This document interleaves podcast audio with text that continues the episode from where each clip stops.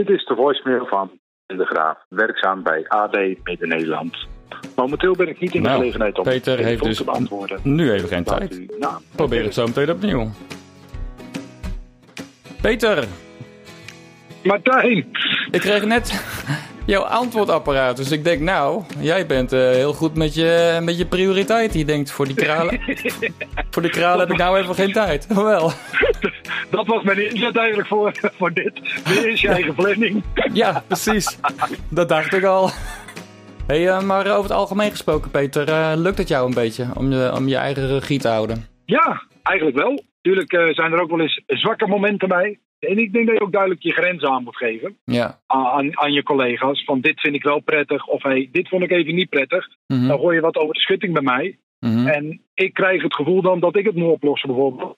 Nou, Ja. dat, dat zijn meestal geen prettige dingen. En, en, en, hoe bepaal jij waar die schutting staat? Wat zijn jouw criteria? Ja, de, de, de ene keer, de ene week heb je wat, wat minder brandjes te blussen dan de andere week. Dus dat is wel heel lastig te zeggen bij ons. Ja. eh, eh, omdat het per dag eh, bijna verschillend is hoe onze agenda verloopt. Ehm, alleen daarin zit er ook altijd wel ruimte. Kijk, als, jij, hey, als ik ergens naartoe ga en er zit ook een zieke van een andere collega. En wat is dan een kleine moeite om even die zieke te bekijken en even te bevragen. mhm. En dan een terugkoppeling geven aan je collega. Ja. En wie goed doet, meestal goed ontmoet. Werk je echt samen, collegiaal natuurlijk. Kijk, mensen kunnen niet vanaf de buitenkant zien hoe jouw agenda is. Nee. Dus communicatie, communicatie, communicatie is eigenlijk het, Mhm. de, de drie woorden die hiervoor beheer van eigen agenda is. Bijvoorbeeld naar een werknemer toe wanneer jij beschikbaar bent. Want je kan me altijd bereiken tijdens deze, deze uren bijvoorbeeld. En bedoel je zoiets? Ja, ook, eh, ook bedrijven opvoeden. Eh, Wanneer Mhm. ben je wel bereikbaar, wanneer ben je niet bereikbaar. Of eh, als er echt prioriteiten zijn. Ehm, ik heb ook wel eens een, een bedrijf teruggebeld die mij tot drie, vier keer gebeld heeft, s'avonds om acht uur. Ik bel terug, waar moet ik nu naartoe rijden? Ik Mhm. "Huh? Hoezo? Ik zei, nou, je belt me drie keer, dus ik ga ervan uit dat er een, eh, iets ernstigs aan de hand is. Ja. Want ja. anders eh je me vast niet drie keer... af- Ja, eigenlijk heb ik maar een kleine korte vraag. Dus die schrok al ja. van, hé, hey, dan geef je in ieder geval je grens aan van, hé, hey, ik ben tot vijf uur en ik weet dat we wel na vijf ook beschikbaar zijn. Mhm. Dan hebben we wel een telefoondienst. Ja. Maar voor, als een huis in de fik staat, sta ik er gelijk. Dan kunnen ze me gewoon 24-7 bellen. Maar niet voor dingen die ook de volgende dag opgelost kan worden. Nee, precies. En dat is inderdaad een kwestie van duidelijk communiceren naar je klanten toe. Maar, Ja. ook, maar ook naar je medewerkers toe. Ook daarin moet je grens aan geven. Kan Ja. het tot morgen wachten? Of, eh hey, moet er, moet er nu iemand komen? Dan kan ik een andere collega sturen, die heeft dienst. Soms is het ook goed om even je telefoon gewoon weg te leggen. Hey, gebruik jij ook eh, dat soort praktische dingen of eh, praktische gereedschappen? Bijvoorbeeld bij WhatsApp kun je een automatisch antwoord eh, in, in, instellen. Doe jij dat soort dingen? Nee, alleen als ik op vakantie ga. Oh ja. Dus als ik een langere tijd wegga, dan doe ik het wel. Ja, dan vind ik het wel lekkerder dat ze weten dat, ze, dat ik niet bereikbaar ben. Ja, precies. precies. Ik heb ooit een, van een verstandig man ooit gehoord eh, van eh 70% van je energie die je verbruikt op een dag, die doe je op het werk. Dan geef je je eigen 100%. Mhm. Maar je bent 30% ook nog thuis nodig. Je hebt thuis ook een Ja. gezin. Ja.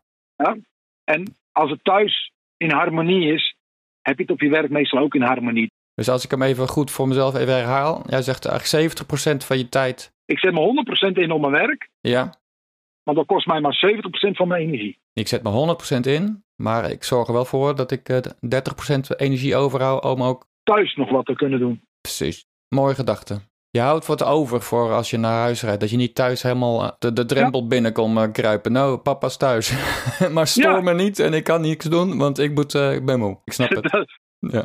Ga jij wel eens echt zitten en gewoon dat je even tijd neemt om je agenda te bekijken en vooruit te plannen? Dat je daar prioriteiten voor jezelf vaststelt? Dat doe ik ook dagelijks en wekelijks. Mhm. We hebben wel een agenda, maar we weten nooit hoe de dag gaat lopen. Dus Klopt. ik, prioriteiten handel ik af. Dus wat is voor mij prio 1, prio 2 en prio 3? Zorg dat alle prio 1 dingen in ieder geval afgehandeld zijn.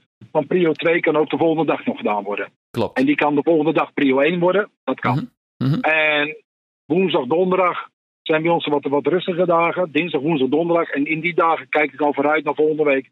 Ja. Oké, wat zit er aan te komen? Moet ik al wat voorbereiden? Eh, moet ik misschien wat al naar voren halen? Want ik zie dat mijn agenda volgende week al wat eh, begint vol te lopen. Ja. Zal ik tegen mijn collega's zeggen: jongens, eh, volgende week zit ik wat krapper in de tijd. Heb je nu nog mijn hulp nodig? Mhm. Mhm. Eh, want volgende week ben ik wat minder beschikbaar. Ja. Dus eh, zo. Die reden eigenlijk. Ja, dat is een les waar ik zelf hard tegenaan ben gelopen. Ik moet wel de regie over mijn eigen agenda houden, want anders word je geleefd. En als je alleen maar rond blijft rennen om de anderen te helpen, dan kun je jezelf wel eens voorbij lopen. Ja, nou ja, de eerste symptomen zijn natuurlijk al als je geen regie op je eigen agenda hebt natuurlijk, dat je mhm. maar door blijft gaan. Ja. Of uh, dingen, dat je als uh, pauzes gaat skippen, ja. uh, langer eerder gaat beginnen en langer doorgaat. Mm Dat moet al voor jezelf signalen zijn van, um, hey, heb ik het nog onder controle? We hebben ooit een keer geleerd om een spatie te nemen. Ja. Nou, op Sliedrecht doen we dat heel bewust. Dan zeggen we spatie. Ja. doe dat ook. Hey, um, nog een open vraag. Zie je wel eens iets bij een collega wat jou, wat, iets wat jou inspireert? Nou, sommige zijn heel gestructureerd. Mhm. Ehm, maar ja, het moet ook bij je passen. Ja, ik denk, ik denk dat ieder mens uniek is en ieder mens heeft daar zijn eigen dingetjes in. Mhm. Ehm, ik zie wel iemand die heel veel uh, opschrijft in zijn boekje. Ja.